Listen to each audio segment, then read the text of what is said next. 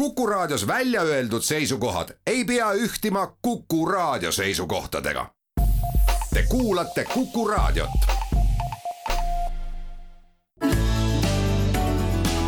keskpäevatund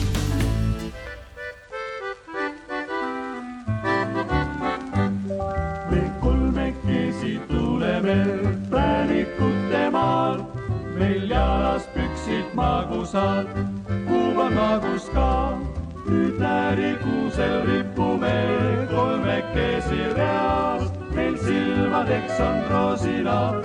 mütsid viltu peas. me usume, et kindlasti rõõmustame teid, kuid piparkoogid kitsekest pole kaasas meil, ei viitsinud veel tõustada ahjuplaadi peal, kuid tervitusi palavaid saadab teile sealt. me kolmekesi tuleme präänikute maal, meil jalas püksid magusad, kuub on magus ka, kuub on magus ka, kuub on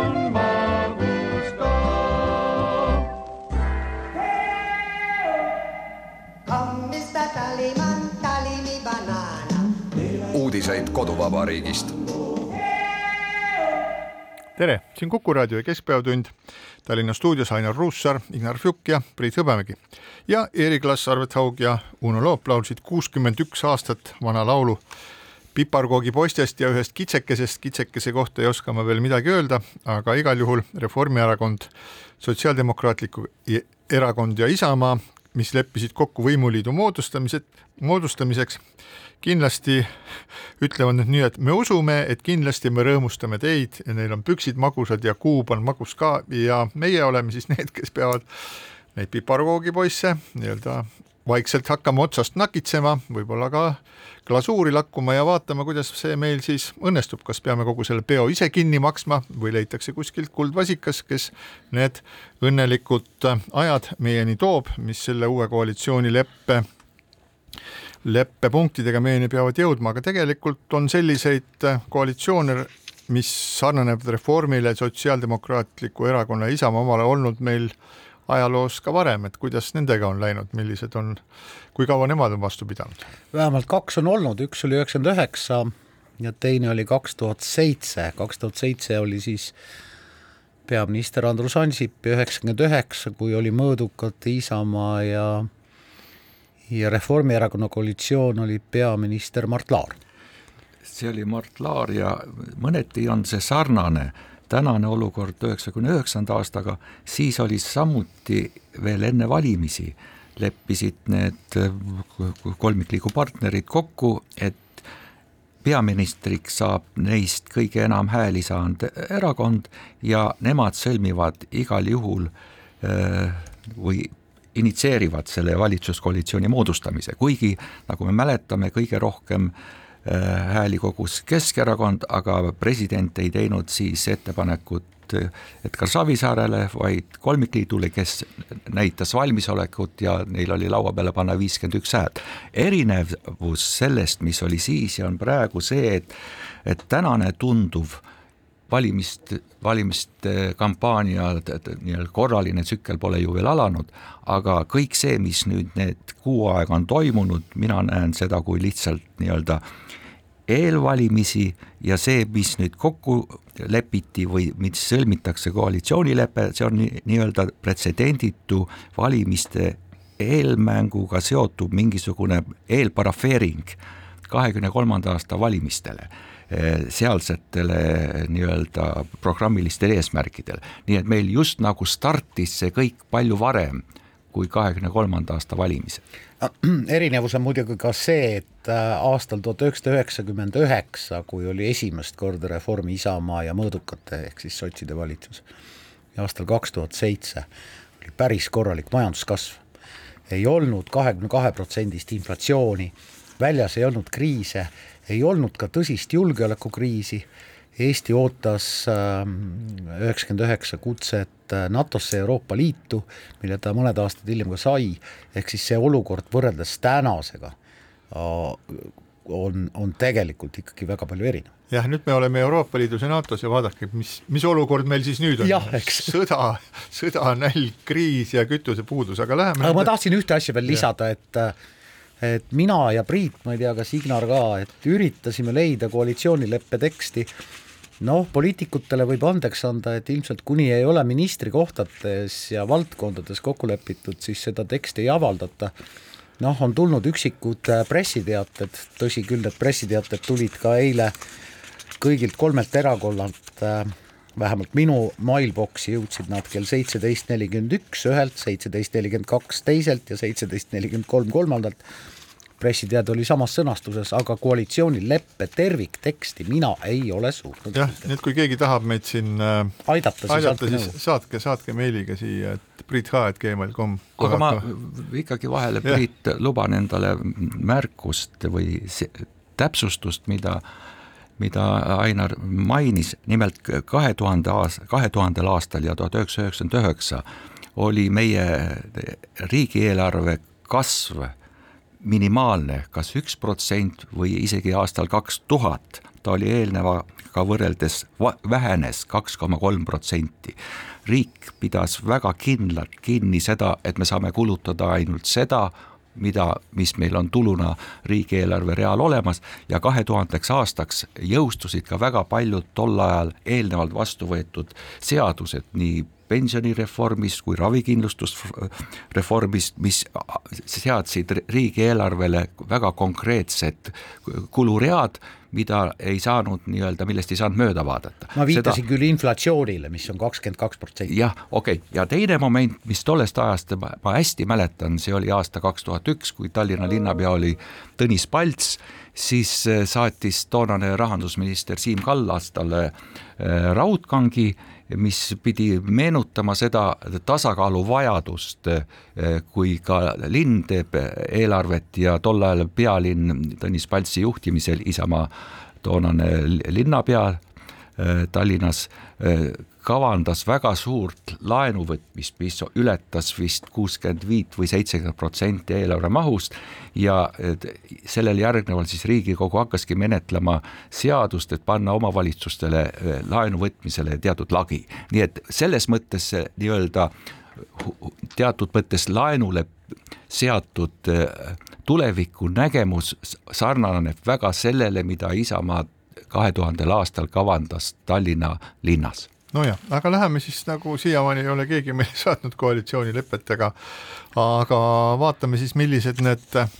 olulisemad punktid seal on, et põhjustati eh, põhjustati, et sõlmiti siis kokkulepped just nendes teemades, mis olid seni suurimad erimeelsused põhjustanud, eestikeelne haridus, perehüvitised ja elektrituru reform see viimane, see elektrituru reform, reform, mis on suurem teema ja mis on juba siis äh, vermitud selliseks sõnaks nagu sotsiaalne elekter, mis ähm, viib tähelepanu kõrvale tegelikult probleemidelt ja kõlab natuke naljakalt, aga see selleks. ühesõnaga siis lepiti lõplikult kokku eestikeelsele haridusele ülemineku, elektrituru reformi, energiatoetuste ja peretoetuste üksikasjad ja seda siis ka kõik need kolm erakonda meile teatasid. ja neil on plaanis valitsuskoalitsioon moodustada, loodame, et see kõik läheb meil korda ja konkreetsemad punktid siis neile, kes ei ole jõudnud veel sellega kok-, põhjalikumalt uurida, et äh, lastetoetused tõusevad kaheksakümne euroni, lasterikka pere toetus kuuesaja euroni, samuti tõuseb tulumaksuvaba miinimum kuuesaja viiekümne nelja euroni, oluline on see, et kalleid energiahindu püütakse siis leevendada elektrituru reformiga, me teame, et see oli üks eriti keeruline punkt nendes läbirääkimistes, kus kogu aeg üks pool jooksis peaga vastu teise poole kivist seina ja läks Muhuga jälle tagasi ja siis reform näeb ette võimaluse kütteperioodi vältel osta elektrit börsiväliselt universaalteenusena ning seda kompenseeritakse täiendavalt mahus viiskümmend eurot megavatt-tunni kohta, samuti algab kahe tuhande kahekümne neljandal aastal alushariduses eestikeelsele haridusele üleminek täies mahus ning üldhariduses esimeses ja neljandas klassis ja rõõm-rõõm kõikidele kõrgkoolidele ja kõrgkoolide rektoritele ja õppejõududele. lisaks suurendatakse juba sellel aastal kõrghariduse rahastamist täiendava kümne miljoni euro võrra, mis on lihtsalt hädavajalik selleks, et kõrgkoolid saaksid toimida, sest teatavasti rektorid ei soovinud Haridusministeeriumiga aasta alguses oma halduslepinguid sõlmida, aga nüüd tuleb välja, on nad siiski midagi lõppkokkuvõtteks saanud, mitte küll viisteist miljonit, aga kümme miljonit ikka. Läheme nende konkreetsete teemade juurde siis, mida, mi-, kuidas, milliseid toetusi meile hakatakse siis nüüd soodsamalt andma? no, no lisan siia, et näiteks lasterikka pere toetus, sotsid tahtsid seitsesada, jäi kuussada laua peale, aga tegelikult äh, summa summarum või kokkuvõttes peab ikkagi ütlema, et äh, ma olen nõus kõigi nende kolleegidega, kes väidavad, et kõige rohkem võitis Isamaa ja reform pidi ikkagi selleks, et säilitada oma populaarsust äh, ja moodustada see valitsus pidi ikkagi teatavaid järeleandmisi tegema, ehk siis kui need kõnelused äh, kuu aega tagasi algasid, või natuke rohkem isegi, siis äh, oli reform nagu palju jäigem kui, kui praegu.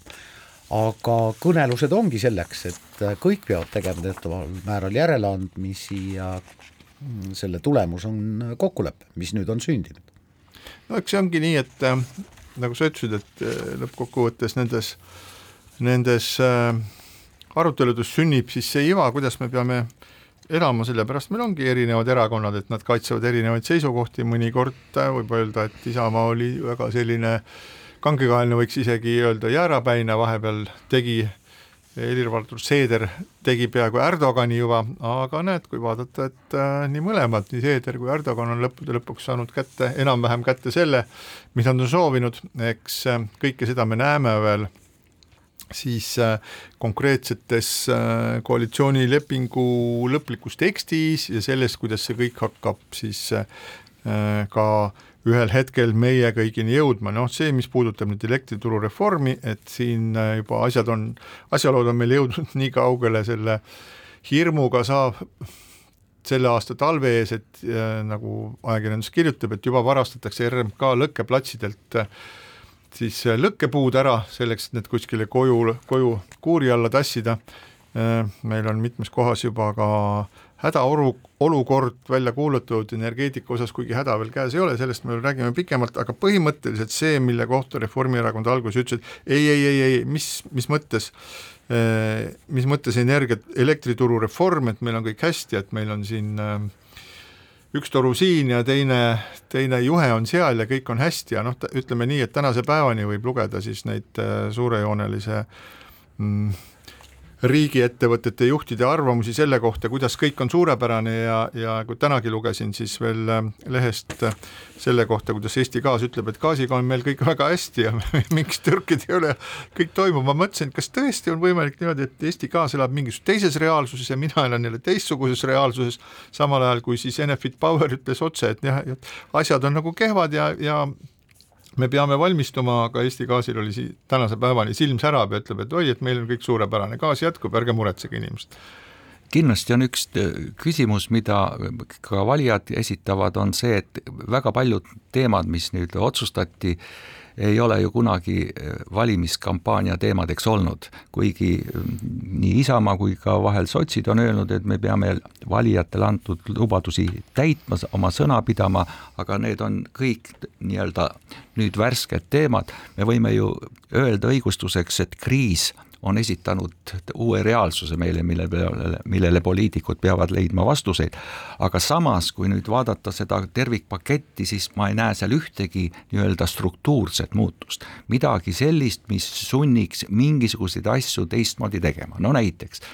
see, et toetusi jagatakse jälle nii-öelda mitte vajaduspõhiselt, vaid kõigile võrdselt ja siis seda nagu öeldakse selle kohta, et me ei saa ju minna paberi asjaajamisele, mis võtaks ju tohutu koormuse, paneks nii omavalitsustele kui riigile milleks on meil jutt olnud siis sellest nii-öelda meie tiigrihüppest ja digipöördest, kui meil puudub võimekus selliseid asju teha. meil, me ei saa ainult nii-öelda jagada kala ja mitte õnge, nii et kui nüüd mõni aeg tagasi käis ka OSCE meil siin vaatamas meie riigi võimekust ja valmisolekut kriisidega hakkama saada, siis toodi välja kaks väga olulist teemat, mida olen nii mina kui ka väga paljud poliitikud, sealhulgas ka Siim Kallas, aastakümneid rääkinud, et kui me näiteks ei seo maad ja kinnisvara maamaksuga, mis motiveeriks tühjalt seisvaid varasid, siis tulemuseks ongi nii, et, et inimestel just nagu pole kuskil elada, aga samas viimase ehm, statistika rahvaloenduse järgi on tühjalt seisab kakskümmend neli protsenti eh, asustamata on maju ja korterid sellepärast pole motiveeritust neid anda ka kasutusse. Ja samamoodi on ka ettevõtte tulumaks, mis on olnud Reformierakonna leiutis ja teatud aegadel tootnud meile nii-öelda võimekust majanduslikuks kiireks arenguks, on täna selliselt, et ettevõtted ei maksa dividende, raha seisab lihtsalt ja ta ei ole ka sunnitud seda investeeringuteks kasutama, nii et me seisame varanduse otsas, mis ei loo uut lisaväärtust. Ja sellisena ma oleks eeldanud, et ka läbirääkimistel oleks puudutatud neid teemasid, mis annaks meile ka nii-öelda kuludele lisaks ka tulusid praegu seda ei ole ja nagu Lauri Läänemets, üks nendest läbirääkijatest ütleb, teate, me nendest tuludest räägime valimistel, eelseisvatel valimistel, täna see meid ei huvita. no jaa, aga sa oled, sa ei ole ju nii naiivne, et sa mõtled sellised koalitsiooni läbirääkimised siis koalitsiooni läbirääkimiste põhiline küsimus, et milliseid uusi makse, milliseid uusi makse kehtestada, see, sealjuures veel siis nagu maamaks olukorras, kus uus maa hindamine on läbi viimata siiamaani, eks ole, sa ei saa, need maa, maa hinnad on, kujunevad meil sellise nagu jooksva maa, jooksvat Eh, siis kinnis, kinnisvara ja maa jooksva müügihindade alusel, need siis summeeritakse nüüd, eh, aga maa hindamine on iseenesest üle vist üle, üle kümme aastat tagasi, see on olnud üks väga keeruline küsimus, teadagi miks, sellepärast et kui tehakse uus maa hindamine, siis muutuvad ka varade ja kinnisvara hinnad, maa hinnad muutuvad, see toob väga paljudele ettevõtetele, inimestele kaasa täiesti ette ennustamatuid asju, aga sina kui linnaplaneerija ju seda suurepäraselt tead isegi. jaa, aga ma lisan siis juurde, et kui sulle tundus naiivsena see maksudega seonduv, siis kõrghariduse osa, me võime ju nüüd igal aastal lisada kümme miljonit, aga juba järgmisel aastal tulenenud inflatsioonist peaks see kümme miljonit olema viisteist. Ja nii edasi ja ka see kümme miljonit ei, ei anna meile, meie kõrgharidusele mingisugust sellist võimekust, et ta oleks konkurentsivõimeline ja ei roomaks eestikeelsed mitmesugused õppekavad ingliskeelseteks või tasulisteks, kui nad muutuvad sessioonõppe põhisteks, nii et no neid... mingi tõuke ta Ignar ikkagi annab, et äh, loomulikult äh, ei ole valdkonda, mis ütleks, et meil ei ole raha juurde vaja. aga noh, kurb on jah see näiteks, et äh, et mõne aasta tagusest riigireformist ei räägi enam mitte keegi ja kui sina viitasid sellele, et ühte või teist asja ei ole võimalik teha, sest meil ei ole piisavalt Exceli tabelite täitjaid, siis see vastab tõele, aga ma arvan, et meil on neid liiga palju ja sinu poolt viidatud IT kuvandiga riigile, siis ei peaks neid nii palju olema ja see kõik peaks olema, olema tunduvalt lihtsam, et äh, kusagil on nagu midagi viltu läinud. aga kui ma, kui ma, kui mu pass aegub, siis uue passi tegemine netis võtab aega poolteist minutit. ma saan järgmisel päeval teate, et tule järgi ja kui ma järgi lähen, siis seisad seal kaks tundi aga ma tahaks seda öelda, et, need pikad läbirääkimised, mida väga paljud ajakirjanikud nagu heitsid ette, et milleks nad nii kaua ajavad juttu, siis ma arvan, see on alati olnud õige, et pigem kauem kaaluda ja läbi rääkida ja siis valitseda ilma eksesside ja tülideta. aga samas see isegi hetketi mulle tundus, et see ongi just nagu valimiskampaania, et sellisena need poliitikud seda mõtlesidki, et olla nagu pildil, tavaliselt on valimistega selline, et ühiskonnas toimub mingisugune restart, uus hingamine tekib. aga ma arvan, et see näilik kampaania, mis praegu toimub, sellist uut hingamist ei pane kõigil on tüdimus, on kriis ja needsamad näod, kes on, ei ole alati selle viimase valimistsükli ajal valitsemistüki all kuidagi näidanud, et nad käituvad riigimeestena. nii et seetõttu ma arvan, et see kriis andis küll võimaluse, kuid see ei, ei realiseeru. selle valitsusliidu eluiga on üheksa kuud ja noh, näeme, mis siis üheksa, milline milline beebi üheksa kuu pärast sinna uutele Riigikogu valimistele tuleb. ja mul jäi meelde just eile keegi nagu ütles nendest samadest poliitikutest, teate, meil nüüd tuleb ju see suvepuhkus, Riigikogu läheb kaheks aasta, kaheks kuuks puhkusele, mida tegelikult ei tohiks olla. Neil ei ole puhkust. Neil tegelikult ei tohiks olla, aga nad seda teevad ja, ja seetõttu ma, ma ei saa aru, kuna siis kõik see realiseeritakse, kui mitte nüüd, ma eeldan, et, et selles väga ambitsioonika kokkuleppe põhiselt peaks Riigikogu juba järg, eelolevast esmaspäevast minema ametisse ja mitte ühtegi nädalat jätma vahele. jaa, aga ma ei ole sinuga päris nõus selles mõttes, et äh, et sa ütled, et oleks tahtnud mingisugust uut hingamist, aga minu meelest oli siin keskpunkt hoopis vanad mured, mis olid siiamaani lahendamata ja mida nagu mingisugust nagu vana niisugust pooltühja toss toss jalgpalli, mis on tuppa sattunud, lüüakse ühest nurgast teise ja lootus, et ta jääb kuskile kapi alla kinni ja siis lõpuks keegi viib ta prügi, prügikasti juurde ja ta kaob täiesti ära. sa viitad vist, Priit, sellele, et seda, millest sa räägid nagu vanad teemad, on see, et need on olnud Keskerakonna teemad no, kesk... ja, ja nüüd tagant targana ongi Keskerakond öelnud peale seda kolmik vastaspoolset kokkulepet, et need on ju kõik meie teemad no, et kus Reformierakond no oli jaa, siis, kui me, nemad olid. seda me teame ju ka väga hästi ja me oleme poliitikas seda palju näinud, et selline, selline teade kestab täpselt äh, võib-olla mitte enam-vähem täpselt mingi paar tundi, järgmiseks päevaks on mingisugused uued teated, nelja aasta pärast keegi ütleb, oh, see oli ju Reformierakonna, see oli ju Isamaa, see oli ju Keskerakonna teema, ei, see on lihtsalt korraks korraks tehakse Münchhausenit, võetakse endal patsist kinni, üritatakse ennast mudast välja tõmmata, ei õnnestunud, plumps, jälle pea kaob oota, Priit, ma arvan, et, et selles suhtes sa nüüd natukene teed Keskerakonna liiga, sest tõesti need teemad, väga paljud on olnud Keskerakonna teema, kuid seal on üks aga. Nende pakett sisaldas alati seda, et eestikeelsele haridusele üle ei minda. ja see on nii oluline vähemalt nendele kolmele, kes praegu leppe sõlmisid ja veel enam Eesti kahesajale, kes on juba kuid rääkinud sellest, mida teha Ukraina lastega, et need tuleb panna kõik eestikeelsesse kooli, sest sealt ainult me toodame, kui üldse, eestimeelset ja eestikeelset äh, meie uut põlvkonda. no see on ju tore, kui Eesti kakssada, kelle kelle juht Kristiina Kallas teatavasti on öelnud sellise lause, et eestlastele jäägu nende pastlad ja tantsupidu ja ülejäänud muu tuleb teha. oot-oot-oot, kas sa oled ise seda teksti luge... lugenud? ma olen, ma, oli... ma räägin, ma ütlesin, kas sa mäletad, mis ma ütlesin, ma ütlesin, et ta on öelnud sellise lause, ma tsiteerisin praegu. sa võtad kontekstist praegu välja. mõnevõrra, öeldud... tõenäoliselt mõnevõrra võtan, ta on seda öelnud ta on seda öelnud, et eestlastele jäägu laulupidu ja pastlad. noh, kui Kristiina Kallas tegutses veel Narvas, siis ta küll Äh, väga tulihingeliselt avalikkuses ainult eestikeelset haridust ei poolda pooldanud. jaa, aga jätame selle Kristiina Kallase, kuna see ei ole üldse parlamendierakond ja kuidas, kuidas nende käsi parlamendivalimistel käib, et seda me saame, seda me saame näha mõne aja pärast, aga äh, kui pöörduda selle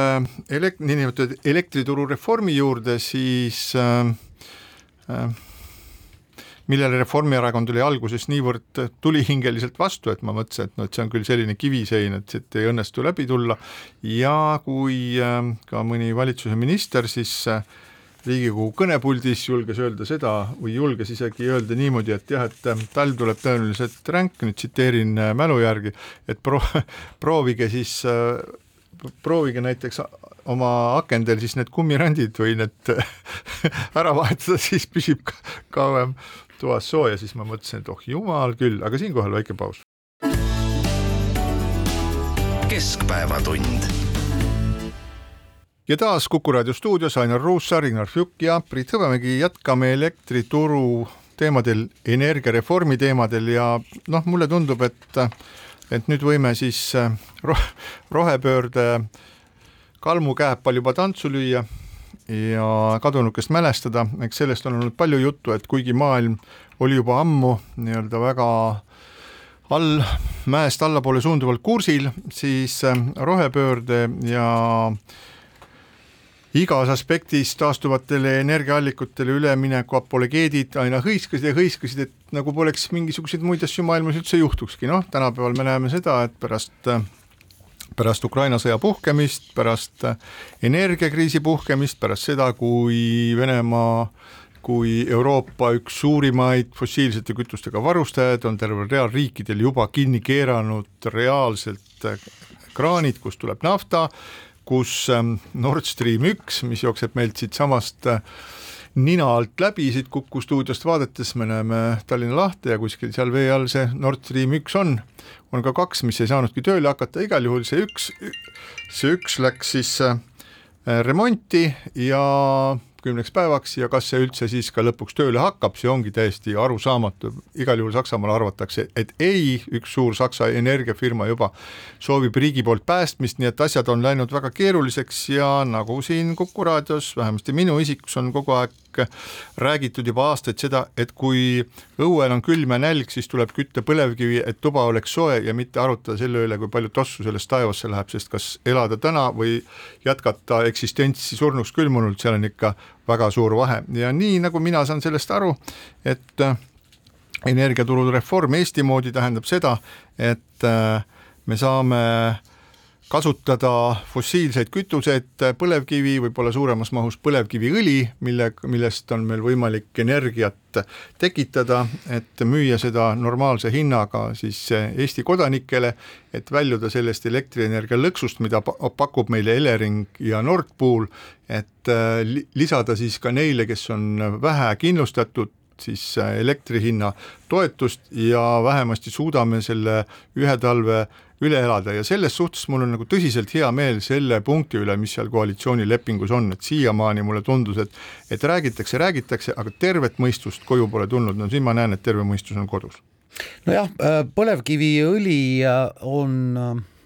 väidetavalt kakskümmend viis protsenti odavam kui gaas, kui sellega kütta näiteks ja, ja põlevkiviõli tehakse põlevkivist ja sellepärast ja, on meil oma energeetiline maavara, me teeme ise seda. täpselt nii, täpselt nii, aga ometigi on Eesti ka ühinenud rahvusvaheliste kokkulepetega ja võtnud kohustuse see rohepööre koos teiste riikidega ellu viia. ma olen ise ka suhteliselt pessimist äh, ja pessimist sellepärast, et ma arvan, et eelolev sügis paneb paraja põntsu kogu äh, sellele rohepöördele ülemineku kavale, sellepärast et eh, no kui sinu poolt mainitud energiahinnad on nii suured ja kui Narva juba praegu teatab, et eh, nad kuulutavad välja hädaolukorra, kuna gaasi piisavalt ei jätku, kui paljud, paljud linnad on öösel lülitanud välja tänavavalgustuse, ka väiksemad asulad, ehk siis eh, mis saab sügisel, noh, saame näha. minu suur küsimus on see, et kelle asi on neid äh, energeetikaprobleeme lahendada, kas see on kohaliku omavalitsuse asi, nagu me praegu näeme Narvas, on see keskvalitsuse asi, peaks see eeldama parlamendi äh, mitu ööd kestvat erakorralist istungit, mille tulemusena sünnib mingisugune otsus või seadus või seadusemuudatus, mis on äh, mis ei sa-, sarnane korraldusele, vaid mis on täitmiseks või on see iga inimese enda asi, et praegu mulle tundub, et see on kohati nagu iga inimese enda asi, aga kui vaadata seda, mida on just loodud valitsuskoalitsioon lubanud, siis see on nagu inimese asi ja natuke ka nagu valitsuse no, vaata, asi. minu meelest on see niimoodi, et äh, kui meil turg toimib normaalselt ja keskkond on selline äritegevuseks soodne, et siis on see turu asi riik loob mingisugused võimalused ettevõtjatele sellel turul äh, tegutseda, jälgib selle eest, et äh, ei läheks inimeste koorimiseks, et inimesed jõuaksid sellist energiat osta ja see oleks neil pidevalt saadaval. nüüd, kui turg enam teatud mingitel põhjustel ei toimi, ehk üks suur fossiilkütuste tarnija kasutab seda poliitilistel eesmärkidel, seda, mis tegelikult on üks majanduse osa, kui äh, Euroopa Liidu tasandil on kokku lepitud kaugemates siis rohe-eesmärkides, mis ilmselgelt siis on sügavas konfliktis meie praeguse olukorraga, siis on selge, et need kaugemad eesmärgid lükatakse edasi ja seda me oleme näinud, et Euroopa Parlament, Euroopa Komisjoni ettepanekul on juba tunnistanud siis gaasi ja ka tuumaenergia nii-öelda roheliseks või tingimuslikult roheliseks, et see oli, see on see jutt, millest ei oleks saanud, ma ei tea, aasta tagasi kõik oleksid hakanud Brüsselis kõva häälega naerma, kui oleks öeldud, et sellise asja võtab siis Euroopa Komisjon ühel päeval vastu. Ja kui nüüd selline keskkond on muutunud, siis ma arvan, et sellisel puhul ja, ja on tekkinud, kuidas võiks öelda, et oluline turutõrge ja vaba turg enam ei toimi, et sellisel puhul peab astuma riik sisse regulaatorina, reguleerima selle olukorra ära, sellepärast et energeetika on üks riigi julgeoleku olulisi osi ja riik peab tege-, tegu-, tegutsema selle nimel, et meie energeetikaturg oleks korras ja me ei satuks siis nii-öelda võõrvõimude või külma või, või millegi taolise äh, haardesse. ma tahaks kindlasti rõhutada, ennem kui ma nüüd järgnevat ütlen, et, et ma ei ole rohepöörde pimesilmne äh, järgija või selle mõtte kaitsja, juhul kui seda rohepööret ei ole nii-öelda mõtestatult realiseeritud ja seda käsitletaksegi kui mingisugust eh, liigset kohustust. kõik nii-öelda, nii-öelda rohelise energia viisid, eh, päikeseenergia, tuuleenergia on märksa eh, julgeolekuliselt riigile toekavamad ja paremad kui ühes kohas Narvas üles ehitatud põlevkivile rajanev eh, elektri tootmine, see on eh, nii-öelda sõjatingimustes tundide no, küsimus. mis kui..., mis, ele-, mis päikesepaneelid sõjatingimustes, tule nüüd, ole reaalne, ole reaalne, meil oota, on terve riik. Priit, Priit, ma ei seganud sind vahele, tähendab eh, neid päiksepaneele ja tuuleparke kahjuks meil on olnud tõkendid, et neid rajada, on see omavalitsuse või riigi mugavus olnud, aga ma kujutan ette, et päikeseenergial rajanevaid süsteeme on võib-olla juba viie aasta pärast, sest praegune kriis paneb neid ehitama, on kuskil kümme tuhat. Ja, ja,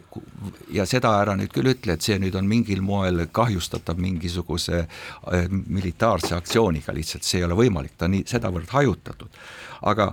aga kindlasti tuleb ka selle rohepöörde kontekstis läbi mõelda meie põlevkiviõliga seonduv, sest kõike seda on seni tõlgendatud kui nii-öelda vanal tehnoloogial, mis tõesti emiteerib õhku väga palju CO2, aga uued seadmed, mis selle nii-öelda praktiliselt välistavad, nii et sellel juhul ka meie põlevkiviõli võiks hakata tulevikus käsitlema kui teatud rohelise energia komponenti oh, elektriautodele üleminekust räägiti ka juba veerand sajandit tagasi, aga noh, ega see nüüd nii kiiresti ei läinud, nagu tookord loodeti. ja rääkimata sellest, et kui siin tõepoolest arvatakse, et Euroopa läheb elektriautodele üle, siis meil ei ole siin ka sellist taristut, et, et ega ka sellist energiavõimsust, et kõik, kõik need elektriautod saaksid ennast regulaarselt regulaarselt siis laadida, nii et, et see on, see on selline banaanikõveruse sirgeks ajamine Euroopa Liidu tasemel, mis on isegi nagu lapsikult naljakas, aga tegelikult see on siiski niisugune hullu, hullu, hullumeelne reaalsus, milles me peame elama. vähemalt praegusel üleminekuetapil on see elektriautodega seonduv, see, mis tuleneb akude eh, noh, utiliseerimisest ja nende tootmisest üldse on mis on omakorda väga rohevaenulik. absoluutselt, ta on märksa sügavama nii-öelda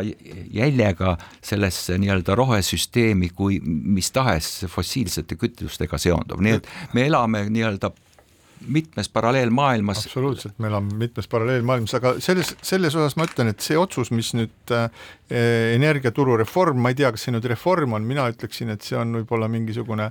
modifikatsioon, modifikatsioon, hädaabiprojekt või midagi, kuidas noh, meid nagu, nagu külmast ja näljast päästa, aga see on nagu hädavajalik ja mul on väga hea meel, et selline asi on jõudnud paberile, nüüd kuidas see kõik reaalsuses hakkab toimima ja kuidas Äh, kuidas ennast haagitakse lahti siis sellest ähm, börsielektrist, aga nagu ma aru saan, et Euroopas on mitmes, mitmes kohas on sellised võimalused olemas, et on võimalik osta ka börsivälist elektrit. see on viies Euroopa Liidi, Liidu, Liidu riigis ja, ja meil tuleneb see nii-öelda universaalse elektri idee juba eelmisel aastal äh, esmalt Raivo Vare poolt välja käidud mõttes, siis Omanike Keskliit on seda väljendanud ja sotsid tõid ka siis esile just selle Norra näite, kus on pandud energiahindadele lagi. nii et tänane meie otsus tuginebki kõigile nendele, nendele mõtetele just, aga see näiteks, ähm, kui me vaatame nüüd seda hinda, mida selle kõige eest tuleb meil maksta ja selle koalitsiooni kokkuleppe eest, siis Aivar Sõerd oma Facebooki postituses, võib-olla kõige värskemas Facebooki postituses muuhulgas kiireb, kirjutab siis nii, et Eesti valitsussektori võla kasv on euroala Euroopa Liidu kiirem juba enne uusi, uusi kohustusi, seda kevadise majandusprognoosi järgi oleks tänavu vaja laenu juurde võtta üks miljard eurot, aga sellele tulid juurde lisaeelarve kulud ja sellele tulevad juurde siis uued kohustused, mis on, tulenevad ka sellest koalitsiooni Ähm, koalitsioonileppe kohustustest, nii et üks miljard tuleks nagunii võtta ja siis tuleks võtta veel teine miljard siis nende uute kohustuste jaoks ja nendest siis suure osa moodustavad veel ähm, püsikulud, nagu mitmesugused toetused, mis on veel lisaks indekseeritud, mis hakkavad, need, mis, mis ei kao kuskile ära. mis kasvavad. mis kasvavad. jah, ja, ja tuletan siia vahele meelde, et Eesti riigieelarve ilma laenudeta on kaksteist miljardit eurot aastas. laenurahaga makstakse, nagu Sõerd kirjutab, tsiteerin, laenurahaga makstakse kinni põhiliselt riigieelarve püsikulud, sealhulgas sotsiaaltoetusi ja hüvitusi, mis tähendab, et tulevikus jääb vähem võimalusi ja laenuressurssi muudeks tootlikeks investeeringuteks, no ütleme, et selline ähm, finantsisti kaine pilk nende lubaduste äh, Äh, täitmisega kaasnevatele asjaoludele on võib-olla mõnikord midagi taolist, mida ei tahakski ei tahaks enne uinumist lugeda. aga see kõik viitab sellele, mida ka Aivar Sõerd ütleb, et kuivõrd laenukoormus on juba nii suur, et võla tagasimakseid saab tehagi ainult uute laenudega. ja, ja kui siia liitub nüüd see kogu sellest raha trük-, liigsest trükkimisest ja inflatsioonist äh, vajadus intressimäärasid tõsta, mida Euroopa Liit ka kava-, Euroopa Keskpank ka kavandab, siis eh, me hakkamegi elama sellises nii-öelda Kreeka-eelses majanduseufoorias jutumärkides, mis ei ole jätkusuutlik ja mis ühel hetkel hakkab meie äh, piirama meie loomulikke vajadusi ja investeeringuid arengusse. no ja kui sa nüüd vaatad numbreid, siis ikkagi Kreekast me oleme väga kaugel, et see on, see on niisugune väga kerge, kerge viis tuhat kilomeetrit. kergekäeline äh, heide, et Eestit võrrelda Kreekaga. jaa, Priit, aga on seda on... armastab teha nii mõnigi, aga see ei ole tõsi aga on ikkagi mõned rusikareeglid ja üks rusikareegel, mis on ikkagi pidanud sajandeid ja mida võiks järgida, on see, et selleks, et maksta tagasi laenu, ei tohiks võtta laenu oo oh jaa, aga siinkohal väike paus. keskpäevatund. keskpäevatund jätkab ikka Kuku raadio stuudios Tallinnas, Ainar Ruussaar, Ignar Fjuk ja Priit Hõbemägi ja loen siis sellest koalitsioonilepingu äh, kohta tehtud pressiteatest, et aastal kaks tuhat kakskümmend neli algab alushariduses eestikeelsele haridusele üleminek täies mahus ning üldhariduses esimeses ja neljandas klassis. palun väga, aga Ignaril on selle kohta põhjapanev küsimus. minul on ka põhjapanev küsimus. sa küsi ennem ära. minu küsimus on see, et mida tähendab sõnastus aastal kaks tuhat kakskümmend neli algab üleminek täies mahus ehk siis tegelikult, kuna me koalitsioonilepet ei ole saanud lugeda, sest seda ei ole veel kuskil ei lugedas, ole meile keegi seda ka saatnud. jah, siis me loeme seda pressiteadet, mida saatsid kolm koalitsiooni moodustanud erakonda, ehk siis kaks tuhat kakskümmend neli algab üleminek. vabandust, daamid ja härrad, see üleminek eestikeelsele haridusele algas kolmkümmend ja millegiga aastat tagasi. ühtegi lõpptähtaega mina sellest koalitsioonikõnelusi puudutavast pressiteatest välja ei loe. sa natuke võtad minu küsimuse seda fookust maha, sest ma just olekski tahtnud küsida, et millega nad seda alustavad, nüüd kui sa ütlesid, et üleminekuga, algab üleminek. jaa, aga kui sa ütlesid, et see algab kahekümne neljandal aastal, siis ma saangi aru, et need eelnevad kaks aastat kulutatakse selleks, et saada vajalik kaader õpetajaid, sest juba täna on ka ilma üleminekuta ja eesmärgita õpetajatest puudu nii vene koolides kui eesti koolides, vastavalt eesti keele õpetajad, nii et see kaks aastat mingil imekombel tekitab Eestisse umbes viis tuhat õpetajat. ja ära lasteaedu ära unusta. no ka alusharidusõpetajaid, aga kuidas see on võimalik, vähemalt eh, nendest kom-, kommentaaridest, mida poliitikud on koalitsioonileppele lisanud, seda välja ei loe, ma kuidagi nagu eeldan, et see on mingisugune Eesti niisugune rahvuslik suurüritus, mis meenutab mõneti, kui Poola sai tuhandeaastaseks, siis otsustati Poola rajada äh, ühe aastaga tuhat kooli, et sellesse nüüd rakendatakse vabatahtlikkuse printsiibil, ma arvan, kõik, kellel on huvi, et Eesti oleks eestikeelne. Ja, ja teisiti seda ei ole võimalik, sest ülikoolides on, eeldab sellise kaadri ettevalmistamine ja õpetamine ka eelnevat eeltööd. Ja kahe aastaga seda ei ole võimalik teha. nii et minu vastus sinule on see, et see algab tõesti mingil moel, aga kuidas, seda me näeme. ja, ja see algab kahe aasta pärast. Priit on väga vahepeal, murelik vahepeal, vahepeal on ju valimised ja siis tuleb uus valitsus ja, ja ma nüüd äh, tõepoolest ei võtaks, äh, mina ei julgeks mitte, mitte mingisugust sorti kihlvedu sõlmida selle peale, et see kõik algab kaks tuhat kakskümmend neli. sellepärast, et vahepeal toimuvad poliitilised sündmused, meil on kõik olukord väga segane, aga mis on hea, väga hea on see, et selline kohustus on vähemasti Reformierakonnad, sotside, Isamaa vahel kokku lepitud, sellepärast me teame seda, et ja kes kavatsevad seda valitsusliidus ellu viia, sellepärast me teame seda, et näiteks Keskerakonnaga kui Keskerakond oleks olnud sellises komplektis, siis never ever ehk mitte kunagi ja mitte mingil viisil ei oleks selline sõnastus saanud sinna koalitsiooni äh, lepingusse sisse pugeda, nii et jaa, Priit, aga tegemist on koalitsioonilepinguga ja see koalitsioonilepe kaotab oma kehtivuse pärast seda, kui sünnib uus valitsusliit. see ei ole raiutud seadusesse, see on koalitsioonilepe, mis kehtib üheksa kuud. oo oh jaa, ei selles ma olen, ma olen täiesti, täiesti teadlik kõigest sellest, aga no väiksed sammud on ka väiksed sammud, et sellist asja, kui kolmkümmend aastat on juba maha jokutatud äh, kõikide, sisuliselt kõikide erakondade ühisel, ühisel nõul ja jõul ja siis ähm, püüame veel natukene, aga tõepoolest, et see see küsimus, et kuskohast need inimesed tulevad, et see on õige, et kas siin on vaja meil sellist nagu üleriigilist programmi, kus igaüks, kes äh, vähegi on, ma ei tea, pedagoogika või andragoogikaga kokku puutunud, et see võiks siis ka endale, ma ei tea, Zoomi või veebi teel võtta mingisuguse klassi ja siis äh, mingisuguse universaalse programmi järgi õpetada või pakkuda praktilist äh, suhtlemist või midagi taolist, selge on see, et inimesi oma töökohtadelt sõitma äärealadele tundi andma ega sinna tööle minema on saata on väga keeruline. aga sel nädal, see nädal on olnud ka oluline selles mõttes, kaitsepoliitika mõttes, Eesti Vabariigi Riigikogu siis toetas äh, Soome ja Rootsi vastuvõtmist või Soome ja Rootsi äh, NATO liikmeks saamise pürgimust ja see oli väga liigutav ja väga tore, et on hea meel äh, selle üle, et parlament seda niimoodi toetas ja ausalt öeldes oleks olnud väga raske ka uskuda, et see kuidagi teistmoodi läheb, eks neid äh, seda taotlust peavad siis äh, toetama ka teiste NATO liikmesriikide parlamendid ja loodame, et kõik sellised äh, nii-öelda ka türklastega keerulised lood türklastega, et need saavad lõpuks ära lahendatud. Ja no ütleme nii, et kui soomlased suutsid äh,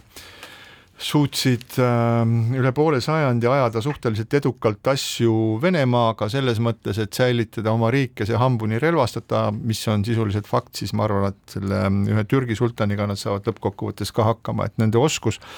äh, selliste diktat-, autoritaarsete tegelastega äh, hakkama saada on tõenäoliselt palju suurem, kui me üldse oskame, suudame endale siin ette kujutada, aga samas tutvustasid siis ka Kaitseväe juhataja kindralleitnant Martin Herem ja Kaitseliidu ülem Riho Ühtegi eile plaani, mitte eile, vaid sel nädalal plaani, mille järgi kasvavad maakaitsestruktuuri kuuluvad ja, ja Kaitseliidu üksused senisest tunduvalt suuremaks, võiks öelda isegi kaks korda suuremaks. mis on, mis on erakordselt oluline, sellepärast et tegelikult on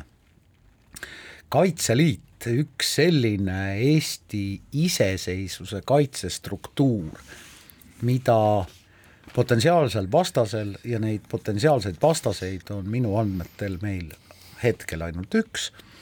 väga raske hinnata, väga raske kokku lugeda, väga raske ennustada äh,, äh, kuidas nad äh, käituvad, milline on nende taktika, selles mõttes Kaitseliidu suurendamine või eesmärk suurendada Kaitseliitu on väga õilis eesmärk suurendada meie kaitsevõimet, ilma et me peaksime suurendama metsikult kulutusi ja suurendama meie kaitseväe nii-öelda regulaarvägede arv. selle point on siis selles, et need uued üksused eh, siis moodustavad eh, veel umbes kümme tuhat inimest, nii et see maakaitseväest hulk kasvab siis kokku umbes kahekümne tuhande peale ja selle mõte on selles, et igas maakonnas on siis välja õpetatud kindlate ülesannetega umbes tuhat meest, kellel on mingid kindlad ülesanded ja selle siis äh, nii-öelda mõte, siis taktika, taktikaline mõte on selles, et kui, kui ründavad väed liiguvad edasi mööda,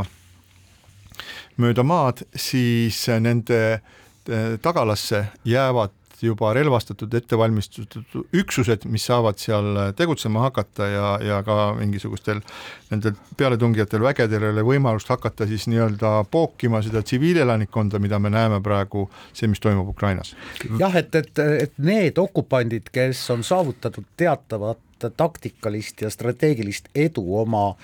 tavavägedega, et nende tagalas oleks tõeline põrgupõhja. üldiselt on kombeks mitte, mitte üksikul või mõnel riigil, vaid üldse ajaloos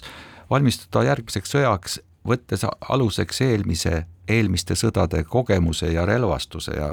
ka meie äh, kaitsepoliitikaga seoses nii mõnelgi aastal on kommenteeritud, mida, millist varustust on ostetud, ka sedasama printsiipi. nüüd sõda näitab, milliseid relvi on vaja, millist sõda peetakse, kuigi Putin väitis alles äsja, et et seni nad tegid nii-öelda nalja, noh, nad lihtsalt hävitasid tsiviilobjekte ja, ja massiliselt tapavad tsiviilisikuid, et alles nüüd läheb õigeks sõjaks. samas see, millist võimalust, võimalust pakuvad nii-öelda moodsad äh, Ukrainale saadavad lääne relvad, näitavad, et, et midagi teist, täiesti teistsugust on võimalik ka Vene sõjarditele vastu seada. ja ma kokkuvõttes arvan, et, et et sellest õpib lääs, mis nüüd juhtub ja ka meie märksa rohkem kui, kui ilma selle sõjata ja, ja vist NATO peasekretär ütleb, et kui venelased on kogu aeg öelnud, et NATO ei suuda neile vastu seista, nad teevad, mis nad tahavad, et nii-öelda NATO on soomestunud, siis nüüd vastupidi, Soome on NATO-stunud. just, ja selle targa seisukohaga jääb üle vaid nõustuda ja tõmbame oma tänase saate otsad kokku, täname teid kuulamast ja kohtume taas nädala pärast. keskpäevatund